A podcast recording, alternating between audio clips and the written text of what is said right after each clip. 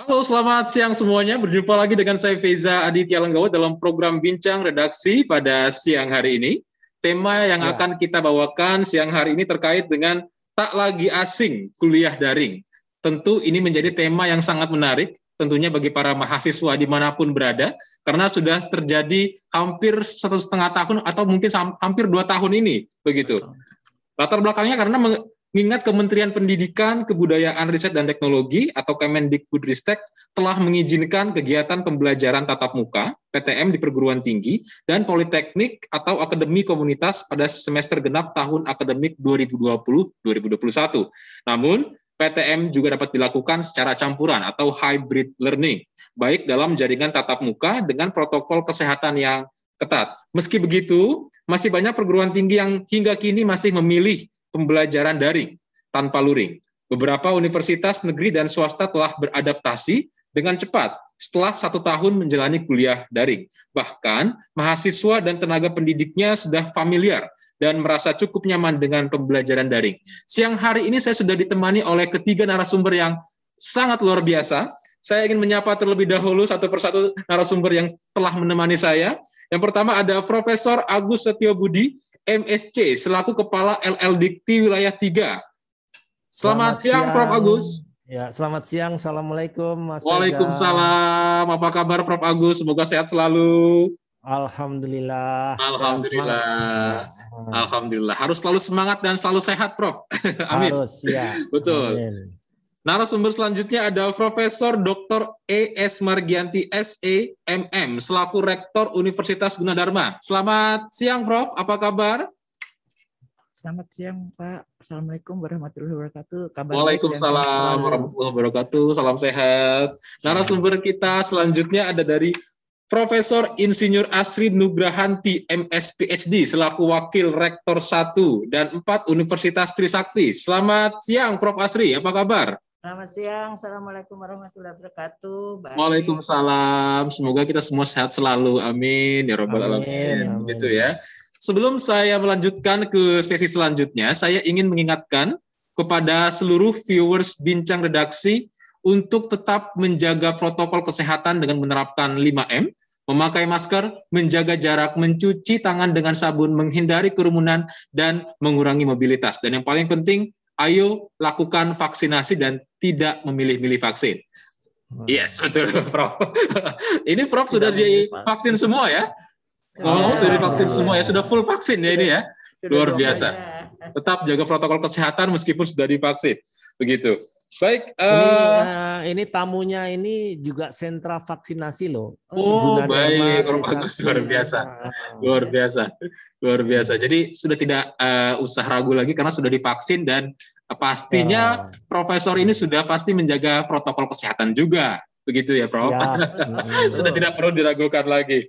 Baik, baik. Uh, terima kasih. Mungkin saya ingin sedikit menjelaskan terkait LL Dikti ya lembaga layanan pendidikan tinggi LL Dikti merupakan satuan kerja di lingkungan Kementerian Pendidikan, Kebudayaan, Riset dan Teknologi yang bertanggung jawab kepada Mendikbudristek berkoordinasi secara administratif dengan Sekretariat Jenderal serta dibina secara teknis oleh Ditjen Diktiristek dan Ditjen Vokasi. LL wilayah 3 berada di Provinsi DKI Jakarta dan memiliki tugas melaksanakan fasilitasi peningkatan mutu penyelenggaraan pendidikan tinggi yang bermitra dengan 297 perguruan tinggi swasta dan 5 perguruan tinggi negeri per Oktober 2021.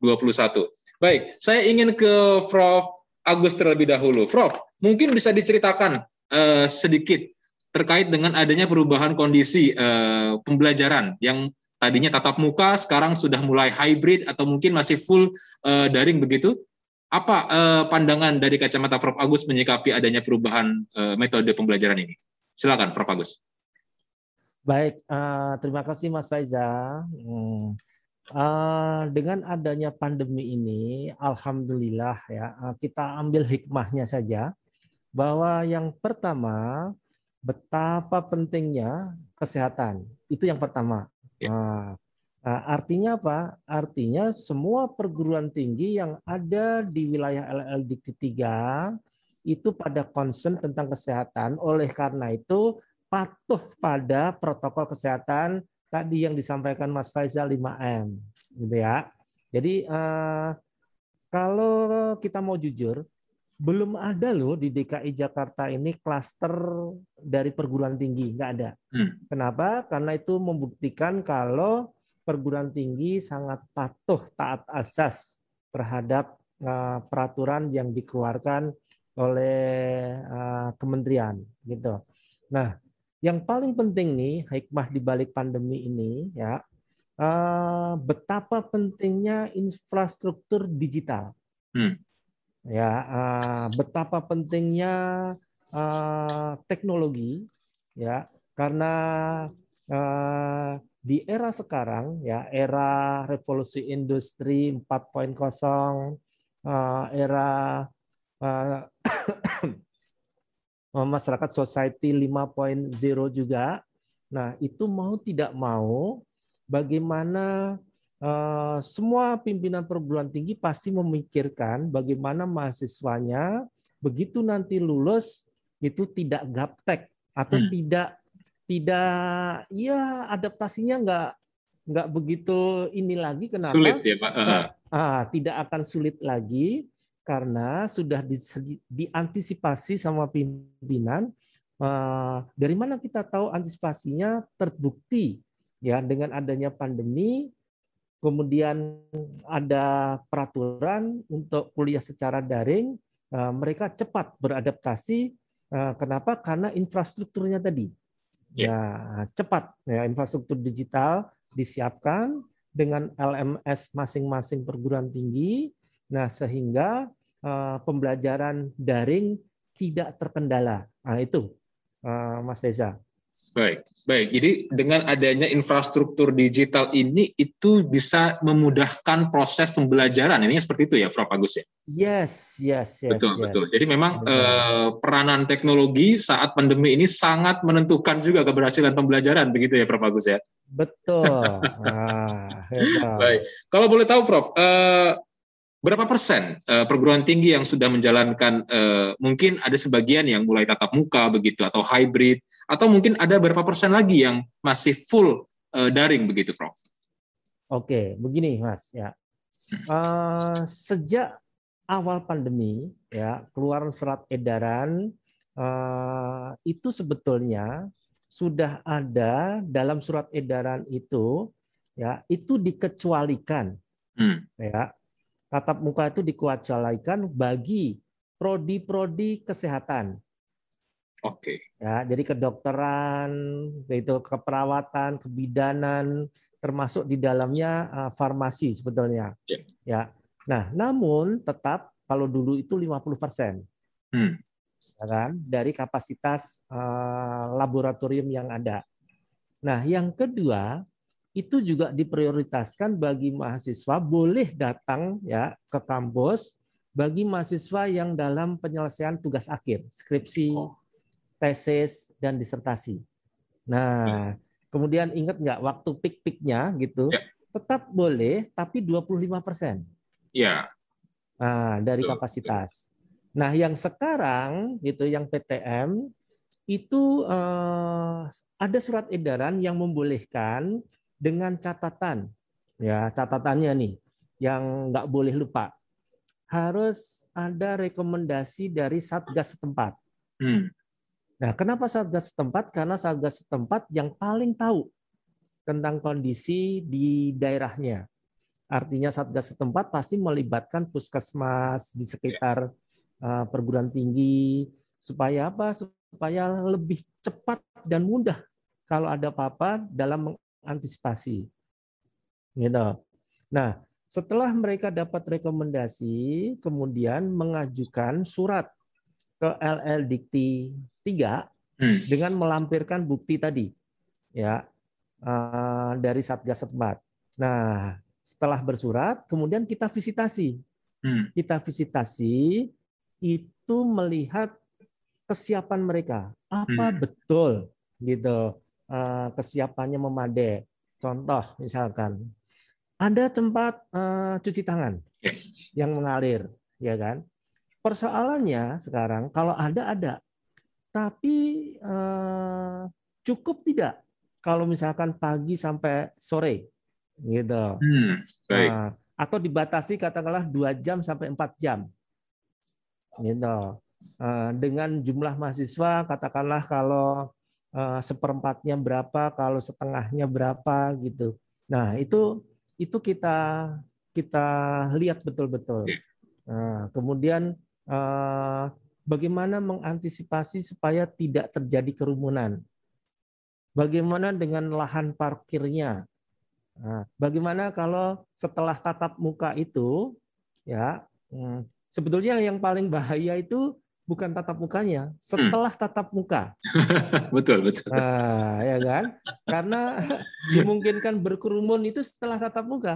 Betul. Kalau tatap muka itu kan ada dosen macam-macam nggak masalah. Iya. Yeah. Yeah. Semuanya pasti terhandle dengan baik. Nah, persoalan setelah tatap muka yang namanya lama nggak ketemu, hai, hai, hai, gitu kan? Buka nah, masker. Itu, iya, buka masker, harus ada yang nyemprit, semprit. Iya. Ingat ya. pesan ibu. Nah, betul, betul, kan? betul. Pakai masker. Apalagi ibu rektor ini. Dan ah, Apalagi kalau rektornya yang ibu-ibu. Hmm. Nah, persis Pak. Setuju, nah, setuju. Nanti tanya sendiri sama Bu Rektornya. Ya, ya. ya. Oke. Okay. Nah, setelah kita visitasi clear, maka kita keluarkan surat. Gitu. Hmm. Nah, memang yang mengajukan itu masih sedikit, Mas Faisal. Baik, baik. Ya, artinya sedikit, itu masih di bawah 10 persen. Hmm. Ya, dari jumlah yang Mas Faisal sebutkan tadi. Oke. Okay. Gitu. Nah, baik. itu kira-kira Mas Faisal. Baik, baik. Uh, berarti ada proses monitoring ya Pak ya sebelum dikeluarkannya izin dari LLDT. Ya. Baik. Betul. Saya ingin ke Prof Margianti dan Prof Asri. Baik, saya ingin ke Prof Margianti dulu deh ini. Bagaimana uh, Prof uh, selaku rektor nih di Gunadarma ini seperti apa? Apakah sudah siap sebetulnya dengan protokol kesehatan yang tadi dijelaskan oleh Prof Agus gitu atau mungkin masih dalam proses bertahap ini untuk ya. PTM. Terima kasih. Ya, baik. Uh, bagaimana tadi sudah dijelaskan oleh Bapak uh, Ketua Lemba Kepala Lembaga, memang dari awal Gunadarma ini karena memiliki program studi untuk ilmu kesehatan, kedokteran ya. dan farmasi dan juga ada kebidanan. Uh, walaupun secara umum sebetulnya semuanya itu sudah bisa dengan teknologi yang ada sudah teratasi. Hmm Yeah. Tapi ada beberapa uh, tingkat yang memang dia itu uh, wajib ataupun sangat dituntut untuk uh, praktikum yang sebenarnya, hmm. itu yang kedokteran, mau klinik dan lain sebagainya. Nah saat ini di Gunadarma sudah berjalan yang uh, luring untuk yang kedokteran tingkat uh, angkatan pertama. Itu mereka sudah masuk ke uh, kampus dengan protokol sangat ketat. Uh, juga sistem monitoringnya dilihat uh, kalau sampai ada yang Eh, sistem monitoring dan juga sistem istilahnya apa kontak uh, close contact dan lain sebagainya terhadap hmm. lingkungan.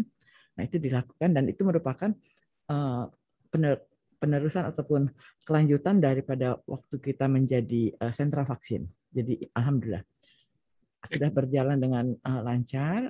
Akan tetapi untuk yang program studi lain karena memang sebetulnya uh, dengan teknologi yang ada ini apalagi dengan pemanfaatan uh, superkomputer. Kebetulan Gunadarma hmm. punya superkomputer DGX itu uh, praktikum dan lain sebagainya sudah bisa dilakukan uh, ya hmm. sampai uh, uh, tingkatan tertentu itu sudah bisa dilakukan dari rumah dan juga oh, okay. uh, jadi tele, tele praktikum ya kalau bilang Baik. dan Baik. memang juga ya tentu saja dalam hal ini karena di Gunadarma itu juga ada tim uh, COVID uh, itu tetap dilakukan monitoring dan juga komunikasi dengan uh, tim di lokasi Depok ataupun lokasi yang lain dan tentu saja setelah dari tim uh, tim COVID itu harus ke kembali ke Bapak Kepala Lembaga hmm. karena semuanya harus begitu ada beberapa tingkatan yang harus dilalui begitu kira-kira. Baik terima ya, kasih Mas Mas Faiza. Ya.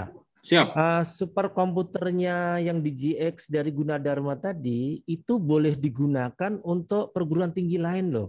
Oh, boleh ya? Iya. Oh, Oke. Okay. Dari rumah ya, itu cukup dari rumah praktikum gitu. Ya. Kenapa boleh? Karena semangat LL Dikti ini adalah kolaborasi Oke. Okay. Mas Reza, kolaborasi sama sinergi. Nah, jadi bagaimana kita mensinergikan potensi-potensi yang ada uh, di wilayah LLDP 3 gitu Mas Faisal. Baik, jadi hmm. sebetulnya ini bentuk kolaborasi juga sebetulnya ya ke depannya nanti yang yeah. bisa dimanfaatkan ya terlepas dari apakah pandemi ini sudah selesai atau belum begitu ya. Betul. Jadi yang Baik. yang kuat nolong yang lemah gitu. Ah, oke. Okay. Nah, okay. Yang konsep dia Prof, uh, yeah. konsep pentahelix. Aha. Konsep pentahelix masyarakat juga sudah dan sudah berjalan saya kira. Kebetulan betul, kemarin betul. Prof Asri juga uh, melihat ke sana Pak ke mm-hmm. Danau Mm-hmm. bahwa sebagian konsep itu sudah mulai berjalan. Mm. Baik. Dan saya juga sering sekali melihat tayangannya UGTV, Prof. Di televisi itu juga sudah sering saya tonton juga tuh. Isi-isinya seminar, mm. talk show itu juga cukup uh, membantu ya kalau untuk uh, pembelajaran ya. secara daring. Saya ingin ke Prof Asri, mungkin di Trisakti ini apa yang uh, kira-kira sudah disiapkan, Prof? Ya. Terima kasih, Mas Faisal. Jadi uh, waktu tahun 2020 mm-hmm. menjelang, maksud kami waktu adanya COVID, mm-hmm. kebetulan Trisakti sudah memiliki pusat pembelajaran daring Trisakti atau PPDT, oh. sehingga uh, pas uh, ada COVID ya tentunya kami tidak terlalu maksudnya tidak terlalu sulit karena memang sudah ada pusat pembelajaran daring Trisakti.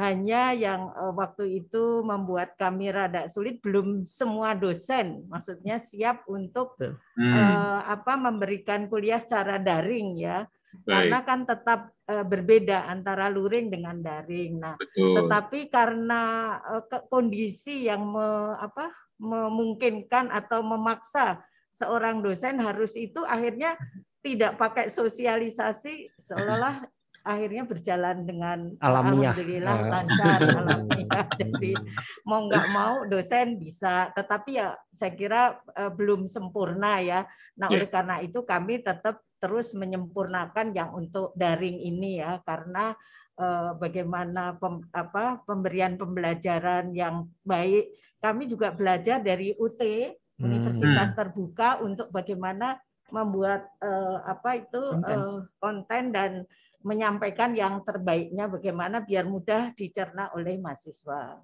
Betul. Nah itu untuk daring. Kemudian uh, kami juga sama seperti Gunadarma bahwa kami memiliki Fakultas Kedokteran dan Kedokteran Gigi sehingga uh, tidak mungkin uh, dengan daring seluruhnya.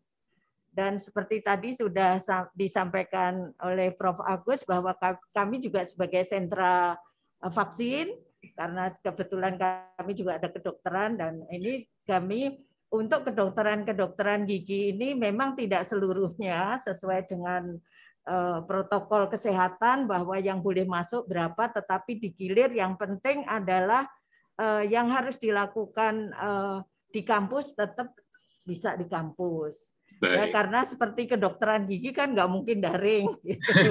Kemudian praktikum, yeah. praktikum kedokteran kan juga nggak mungkin uh, daring. Jadi, Betul. tetapi kalau uh, kami memiliki sembilan fakultas, tapi yang tujuh fakultas memang untuk apalagi yang kemarin ppkm ya, jadi itu hampir semuanya daring. Dan uh, seperti tadi yang dijelaskan oleh Prof. Agus bahwa kami untuk uh, praktikum dan tugas akhir tentunya masih tetap uh, berjalan uh, sekalipun ya terbatas saja yang uh, sesuai ke, keperluan begitu. Uh, yeah. Saya kira itu. Terima kasih. Baik, terima kasih Prof. Asri. Prof. Agus, berarti memang uh, tantangannya ini ada di aspek ilmu-ilmu kesehatan yang membutuhkan praktikum secara langsung ya, Prof. ya? Karena memang betul, banget. betul. Jadi harus memang praktik secara langsung, nggak mungkin lah daring ya. begitu. Sama nah, fakultas ya. teknik. teknik. Teknik betul. Betul, hmm. betul. Betul. Ya. Baik, teknik dan ilmu kesehatan begitu ya. Betul. Baik, uh, Prof, berarti apa nih yang kira-kira sudah dilakukan dari LDikti ini untuk bisa membantu uh, para kampus untuk menyiapkan kuliah tatap muka sejauh ini, Prof? Uh, dari perspektif LL Dikti ya, karena yeah. kami LL Dikti itu berarti yeah. kita perkuat regulasinya, Mas Faisal. Baik. Ya, baik. jadi surat edaran Menteri itu uh, kita turunkan. Nah, turunannya itu kita sosialisasikan, kita blast. Kita hmm. punya tim humas yang luar biasa, Mas Faisa. Ya, uh, komandannya Mbak Dita, hmm. gitu ya. Nah, itu uh, dengan ada WA group uh, humas LLDT 3 Nah, begitu ada hal-hal yang baru, itu kita blast cepat banget. Nah, dari surat turunan dari surat edaran itu uh, harus sampai ke perguruan tinggi, tidak boleh ada yang uh, belum menerima informasi itu. Hmm. Nah, jadi uh, apa saja syarat-syarat uh, uh, kalau mau PTM? Nah, itu itu poinnya yang paling penting gitu. Jadi tidak sekedar uh, ya euforia, oh boleh VTM nih, ya. nah, kayak gitu. Uh, tidak, ya. Jadi dari sisi uh, regulasi uh, kita sampaikan supaya pimpinan perguruan tinggi ini paham betul apa sih syaratnya. Nah itu, Mas Faisal. Baik. Jadi sosialisasi adalah kunci begitu ya. Prof. Yes. Bagus ya. Yes, nah, yes. saya uh, ingin beralih ke Prof. Margianti dulu untuk yang di Gunadarma nih, Prof. Sosialisasinya seperti apa kepada para mahasiswa atau mungkin kepada orang tua mahasiswa agar mereka mau menerima karena kan banyak sekali kalau di SMA SMA atau SMP SMP ini banyak orang tua yang nggak sabar juga ya. Ayo kapan nih tatap muka begitu ya karena mungkin uh, anak muridnya membutuhkan pendampingan orang tua yang mungkin agak agak repot begitu. Nah kalau dari kacamata Prof uh, Margianti sendiri untuk bisa menyelaraskan begitu dari aturan uh, ke dalam sebuah kebutuhan kampus seperti apa Prof? Ya uh, terima kasih pertanyaannya. Jadi dalam kaitan ini kebetulan Universitas Gunadarma tidak uh, terlalu mengalami kesulitan hmm. karena uh, apa saluran komunikasi itu sudah cukup baik baik hmm. melalui uh, eh, SMS maupun melalui berbagai berbagai apa istilahnya saluran komunikasi yang biasa dilakukan entah grup WA dan lain sebagainya uh, itu sudah sudah berlangsung sangat lancar dan juga ya masalahnya kan sebetulnya waktu ini kan pandemi ini kan sudah berjalan cukup lama Yeah. Jadi justru uh, para mahasiswa itu sudah banyak yang pulang kampung. Oke. Okay. Nah, jadi ancang-ancang itu yang perlu kita uh, yang saya belum katakan go karena situasi ini masih terus berkembang adalah Anda harus mulai siap-siap uh, datang ke Jakarta lagi itu yang belum. Hmm. Karena sampai saat ini pun uh, wisuda itu dilakukan secara daring, hmm. akan tetapi uh, dia uh, di kalau ini di hybrid antara luring dengan daring, wisuda guna Gunadarma itu di hybrid dengan uh, ini dengan uh, eh, TV. Jadi TV, ya. antara Zoom dengan TV sehingga dilakukannya seperti just in time proses. Jadi oh. malah malah itu uh, sangat sangat apa? Sangat mengesankan karena diminta tolong kepada orang tua melakukan uh, proses wisuda penga, uh, apa kuncir dan lain sebagainya. Jadi rektor meminta tolong kepada orang tua dan itu dilakukan dari segenap penjuru dunia berkaitan hmm. dengan nah itu ada yang dari Mekah, ada yang dari Jerman, mahasiswanya itu ya lulusannya ini dalam kaitan yeah. untuk uh, wisuda. Jadi di sini pandemi ini telah mendorong kami untuk berinovasi dan beberapa inovasi itu memang mem, di, beyond the the limit gitu kira-kira yeah. begitu. Tapi kita sadari kan memang uh, bahwa tatap muka itu diperlukan. Jadi kalau memang nanti situasinya sudah matang, kita sendiri di sini kan belum pasti seperti kemarin belajar kan ternyata waktu pon itu kan tahu ada 87 orang yang yeah. begitu mudahnya. Nah ini juga menjadi salah satu pertimbangan mendasar bagi kami untuk mempersiapkan. Akan tetapi uh, untuk kalau ditanya dari sisi komunikasi, diseminasi dan lain sebagainya, semua berjalan dengan baik dan dan benar insya Allah begitu. Baik, baik. Terima kasih Prof. Margianti. Saya ingin ke Prof. Asri. Bagaimana, Prof. Uh, Trisakti ya. menyikapi adanya perubahan ini dari aspek komunikasinya, sosialisasinya begitu, sehingga tidak ada kerancuan dalam diri mahasiswa maupun orang tua mahasiswa nih, terkait dengan pembelajaran ini. Silakan, Prof. Ya. Uh, terima kasih. Jadi untuk sosialisasi, saya kira di internal kampus tidak ada masalah karena ya. uh, uh, apa uh, saluran untuk menyampaikan penyampaian itu sudah cukup banyak hanya uh, kami sebetulnya memiliki uh, mahasiswa yang berasal dari luar kampus Trisakti hmm. itu sekitar dari per, 40-an perguruan tinggi yang ada di Indonesia. Jadi kami uh, mengikuti program MBKM hmm. uh, Merdeka Belajar Kampus Merdeka itu oh. dari mulai semester dari mulai awal uh, adanya Permata Sakti itu hanya sekitar uh, uh, 40-50-an mahasiswa itu berasal dari lima perguruan tinggi. Namun hmm. yang semester ini itu kami hampir 40-an 38 perguruan tinggi di seluruh Indonesia yang ikut mahasiswanya ikut belajar di Trisakti. Trisakti. Nah, eh, ada suatu program dari kementerian dari eh, Dikti itu sebetulnya adalah bantuan untuk luring. Jadi hadir hmm. hadir ke Trisakti. Namun karena kemarin PPKM dan belum memungkinkan sehingga uh, dilaksanakan tetap secara daring. Uh, uh, tujuh fakultas kecuali FKFKG. Jadi oh. kami memiliki lebih dari 200 mahasiswa yang berasal dari luar Trisakti yang uh, mem, apa, mengikuti mata kuliah-mata kuliah yang disajikan untuk MBKM ini gitu. Hmm. Jadi kami beberapa program studi kan menyajikan beberapa mata kuliah yang boleh diambil uh, seluruh mahasiswa di Indonesia ini ibaratnya begitu. Dan uh, itu saja kemarin yang rada apa uh, apa rada kesulitan tetapi ya terselesaikan namun terselesaikan nah nanti kalau memang apa sudah bisa luring tetapi eh, ini kami terus terang untuk hybrid ini menyerahkan kepada fakultas. Karena kondisi di setiap fakultas itu berbeda-beda. Karena kalau luring kan ada pembatasan jumlah eh, yang harus ikut, kemudian dosennya, ruangannya dan sebagainya, ya. sehingga kesiapan kami serahkan kepada fakultas masing-masing sesuai dengan kemampuannya.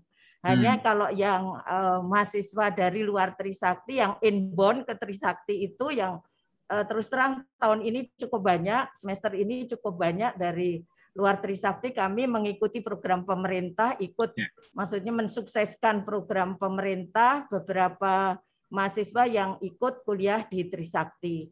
Nah, ternyata yang uh, outbound, maksudnya dari Trisakti keluar, ternyata hmm. tidak terlalu banyak, lebih hmm. banyak yang yang masuknya ya, dari ya, jadi tapi kami tetap uh, memfasilitasi me, ikut mensukseskan program pemerintah bagaimana bisa apa memberikan layanan apa mata kuliah mata kuliah biar bisa diambil oleh mahasiswa dari perguruan tinggi lain.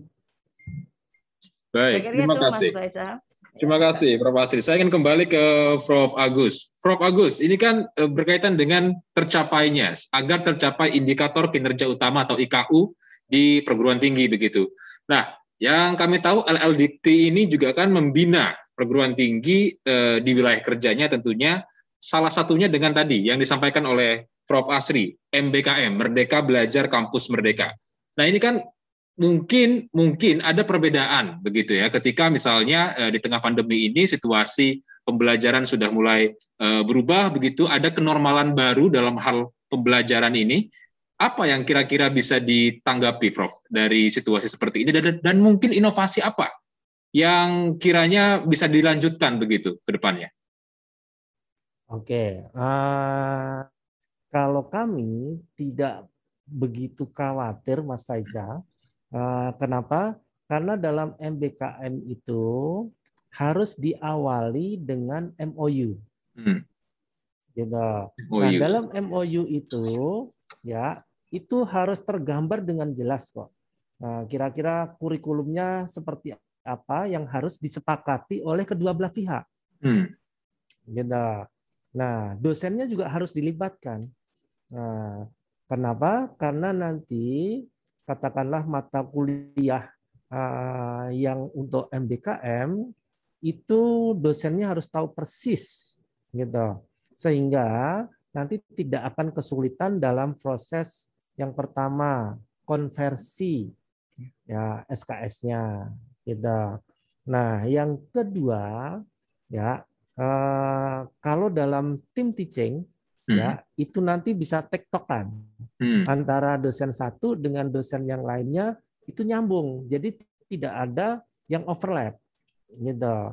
Nah itu itu poinnya. Justru di MBKM itu eh, kekhawatiran menurut saya tidak perlu.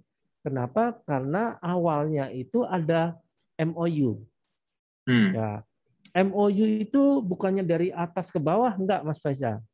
Itu dari bawah ke atas Hmm. Artinya di tingkat program studi dulu. Yeah. Ya, tingkat program studi uh, melibatkan dosen gitu. Oke, sepakat gitu. Ada tidak nah, tugasnya seperti apa? Kemudian bentuknya kayak apa? Itu clear banget kok. Nah, ya, apalagi kalau melibatkan uh, industri. Hmm. Uh, proses magangnya, internshipnya itu tergambar banget dengan clear. Nah, dari prodi kalau udah siap naik ke atas ke fakultas. Hmm. Gitu. Di fakultas juga katakanlah clear and clean baru uh, kepimpinan uh, perguruan tinggi para rektor ini gitu. Hmm. Uh, uh, begitu di rektor itu udah final ya uh, terkait dengan kerjasamanya kayak apa itu udah final baru tanda tangan. Nah, tentunya yang tanda tangan adalah mereka pimpinan perguruan tingginya. Gitu. Jadi rektor-rektornya. Ya. Nah, bukan berarti dosennya nggak tahu. Kenapa? Hmm. Karena prosesnya dari bawah ke atas. Nah, begitu hmm. Mas Faisal. Baik, baik. Jadi ada ada sifat pengajuan dulu ya, Prof ya? Iya. Terkait dengan hmm. kesiapan dari masing-masing prodi hmm. begitu ya. Dan jangan lupa itu hmm. semua yang yang berani MBKM itu tentunya yang punya tadi infrastruktur digitalnya yang hmm. bagus banget. Kalau nggak bagus banget, nggak bakalan. Hmm. Gitu. Kenapa? Karena ini antar kampus. Ya. Antar ya. kampus bahkan bisa antar pulau gitu. Betul, uh, betul, betul. Dan bahkan uh, di luar negeri juga gitu. Nah, Betul. itu nggak mungkin akan running dengan baik ketika infrastruktur digitalnya tidak mumpuni. Baik, baik. Jadi nah. harus diperhatikan juga ya, Prof ya terkait dengan infrastruktur digital atau digitalisasi pembelajaran itu menjadi sebuah hal yang penting begitu ya, Prof. Betul, gitu. Ya. Jadi kalau ada miss apa pun kayak gitu, mudah sekali mendeteksinya. Hmm. Hmm. You know. Baik. Baik, saya ingin uh, ke Prof. Eh, Margianti. Terakhir, Prof, terkait dengan MBKM tadi, uh, dari Gunadarma sendiri, Prof, tantangannya seperti apa? Atau mungkin selama ini lancar-lancar saja, Prof, proses MBKM ini? Oh, ya, kalau yang dalam uh, kaitan mahasiswa dari luar masuk ke Gunadarma, Alhamdulillah lancar. Hmm. Malah pernah terjadi 600 yang untuk RPL, program RPL, yang skema RPL itu dari NIAS. Jadi saya uh, kami melakukan hal itu dan sudah karena itu uh, proyek tertentu jadi sudah habis waktunya bukan bukan yang MBKM yang sekarang. Nah, yang MBKM yang sekarang ini kan memang dibuka dari pemerintah. Mereka mendaftarnya kan lewat Dikti kalau tidak salah. Uh, itu ber, rasanya kalau di Gunadarma ini kalau uh, no news good news gitu ceritanya. Jadi kalau mereka datang biasanya kalau ada masalah. Yeah, yeah, yeah. Nah, tapi yang menjadi concern Gunadarma justru adalah uh, mengenai kampus Merdeka ini bagaimana kita bisa mengirim para mahasiswa itu ke dunia industri. Hmm. Kan uh, ini kewajiban lembaga untuk menyediakan hal itu, akan tetapi buat mahasiswa dia boleh pilih, kan itu kira-kira prinsip. Yeah. Uh, saya umpamakan atau kita berasumsi kalau satu program studi katakan mungkin ada yang satu program studi seribu, ada yang 500, ada yang itu mereka semua ingin lari ke industri, industri yang pusing. Yeah. Terus industrinya, nah ini kan problem tersendiri. Nah, kebetulan Gunadarma ini sudah membuka, cuma agak tersendat mengenai uh, sebuah uh, lahan di daerah Cianjur yang hmm. dinamakan Juji Technopark.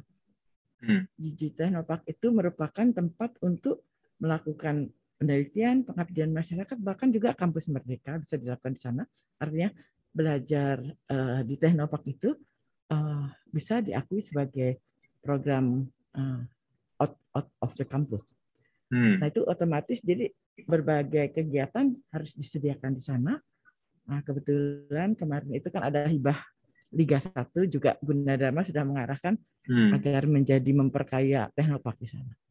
Jadi yang saya pikirkan adalah bagaimana kalau uh, industri, let's say industri uh, tertentu itu kita undang ke teknopark, kita disediakan. Jadi seperti bonded area, hmm. uh, sediakan sarana produksi, produksi, terus mahasiswanya yang tertarik ikut ke sana dan mereka uh, melakukan uh, tugas kampus merdekanya itu di sana.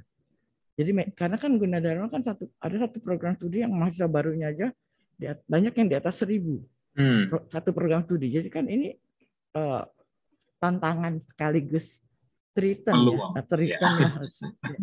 Nah ini jadi saya memikirkan, nah uh, ini kan suatu proses. Uh, kita punya sumber dayanya selain teknologi, manusia dan raw material, pasti ada outcome-nya, ada output outputnya itu juga bagaimana outputnya ini kita pasarkan kalau bisa.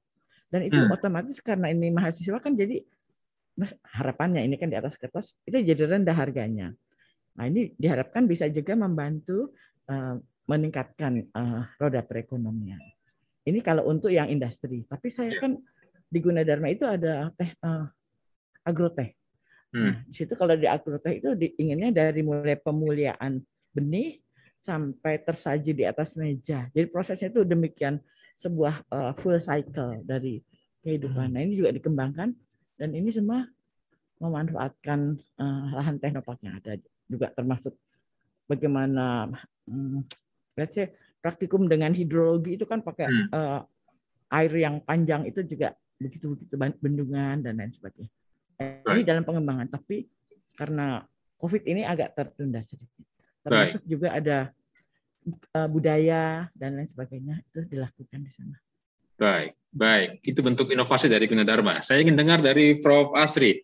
Prof, uh, sebagai uh, penutup ini pertanyaan terakhir, apa yang bisa disampaikan kepada para mahasiswa terkait dengan MBKM ini supaya mereka tidak ragu untuk uh, mungkin datang ke Trisakti atau mungkin bisa uh, keluar begitu mencari uh, apa namanya kampus-kampus lain yang mungkin bisa men mengembangkan dirinya juga ke depannya.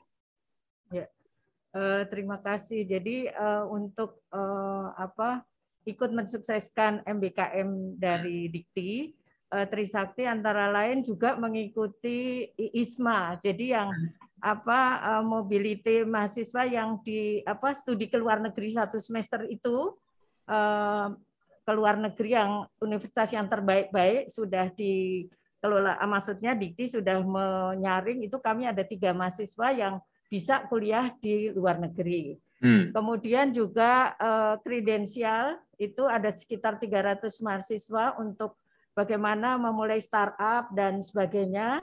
Itu uh, dari uh, kami memiliki yang pusat inkubator bisnis bagaimana okay. untuk membuat mahasiswa untuk ke arah startup begitu.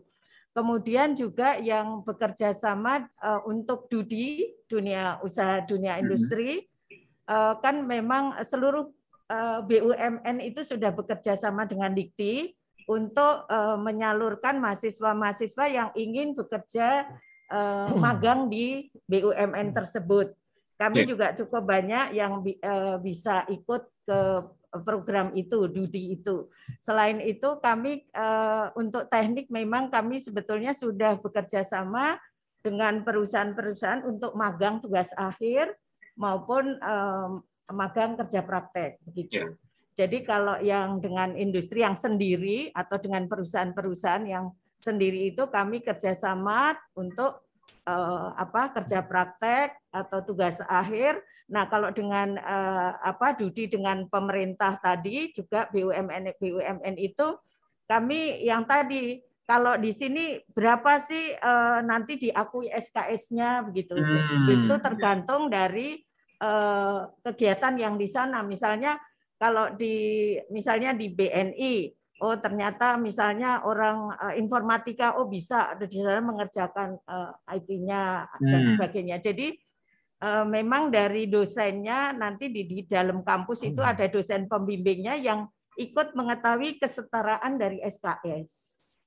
Jadi oh, kan okay. uh, jadi berapa yang akan diakui kan tidak satu semester di industri itu akan diakui 20 SKS. Iya, iya. Uh, belum tentu jadi nanti akan dievaluasi dulu begitu. Jadi kami intinya uh, Trisakti memfasilitasi uh, mahasiswa untuk pengembangan uh, apa magang di BUMN, magang mm -hmm. di perusahaan-perusahaan yang kerjasama dengan Trisakti tentunya dan uh, juga tadi yang kalau bisa uh, ke luar negeri ya tentunya ke luar negeri itu.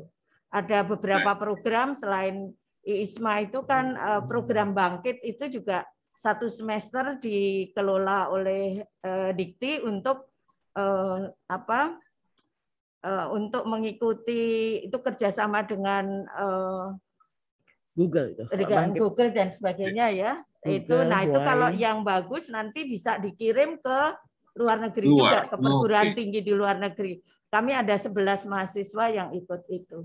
Jadi intinya hampir semua program yang di eh, maksudnya dilayangkan oleh tayang apa yang harus di, boleh diikuti, kami insya Allah mengikuti semua.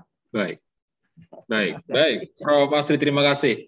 Uh, Bapak dan Ibu sekalian, sudah 30 menit lebih kita berbincang, tidak terasa, waktu uh, cepat sekali. Pembicaraan yang sangat seru sebetulnya, mungkin sebetulnya banyak sekali pertanyaan yang belum bisa saya sampaikan, tapi karena waktu yang terbatas, saya mohon maaf. Uh, mungkin sebagai closing uh, dari tiap-tiap uh, narsum pada siang hari ini dalam bincang redaksi, dari Prof. Agus dulu deh closing statement Prof untuk uh, masyarakat secara umum atau mungkin dalam konteks perguruan tinggi terkait dengan kuliah daring ini? Ada yang mau disampaikan atau mungkin harapan-harapannya ke depannya, Dok? Prof? Oke, terima kasih Mas Faiza. Ya, ya uh, saya uh, fokus ke topik pembicaraan kita tentang ya. PTM. Ya. ya, semangat uh, untuk menjalankan PTM, ya. tapi tetap ingat pesan ibu. Baik. Nah, itu aja Mas Faiza. Ingat pesan Oke, ibu. Nah, Baik. Iya, salam sehat Mas Faiza. Salam ya. sehat. Baik, dari oh. Prof Margianti. Silakan Prof. Ya, baik terima kasih. Closing statement. Guna Dharma, ya. kami siap melakukan sesuai dengan arahan yang ada, tapi tetap sesu... pesan ibu itu kan sudah punya Pak Kalem, jadi saya jadi saya uh, kita harus selalu aware, waspada terhadap perkembangan yang ada. Baik. Selalu uh, masker dan vaksinasi harus berjalan bersama begitu. Baik, baik. Selanjutnya Prof. Asri mungkin ya. terkait dengan PTM ini. Trisakti juga uh, tentunya semaksimum mungkin yang bisa kita lakukan, tetapi juga harus terus menjaga karena siapa yang akan bertanggung jawab kalau ada apa-apa itu yang oh, ya. itu yang kami terus terang uh, berhati-hati sekali memang tidak uh, mudah untuk uh, memberikan satu keputusan uh, menunggu satu hasil yang evaluasi yang terbaiknya dulu. Ya. Baik. Terima kasih uh, Prof. Agus Setio Budi MSc, Prof. Dr. Margianti SMM, dan Profesor Astri Nugrahanti MSPHD atas waktu dan kesempatannya. Salam sehat. Uh, saya izin pamit undur diri pada kesempatan siang hari ini dalam bincang redaksi Jawa Pos. Tapi sebelum itu saya ingin mengingatkan kembali lagi kepada seluruh viewers bincang redaksi untuk tetap menjaga protokol kesehatan dengan menerapkan 5M, memakai masker, mencuci tangan dengan sabun di air yang mengalir, menjaga jarak, menghindari kerumunan, dan mengurangi mobilitas. Dan yang paling penting, ayo sukseskan vaksinasi. Prof, terima kasih banyak atas waktu dan kesempatannya. Salam sehat. Iya. Salam sejahtera. Salam sehat. Oke. Okay. Sampai jumpa Salam lagi buat teman-teman. Salam ya. sehat. Terima kasih. Terima kasih, Jangan Prof. Lupa bergembira katanya, Pak. Ya, Jangan lupa bergembira. Ya. bergembira. Sehat-sehat selalu. Sampai jumpa lagi di kesempatan ya. selanjutnya. Assalamualaikum warahmatullahi wabarakatuh. Saya Feza. Undur diri. Salam Jawa Pos. Terima kasih Mas Faisal. Terima kasih.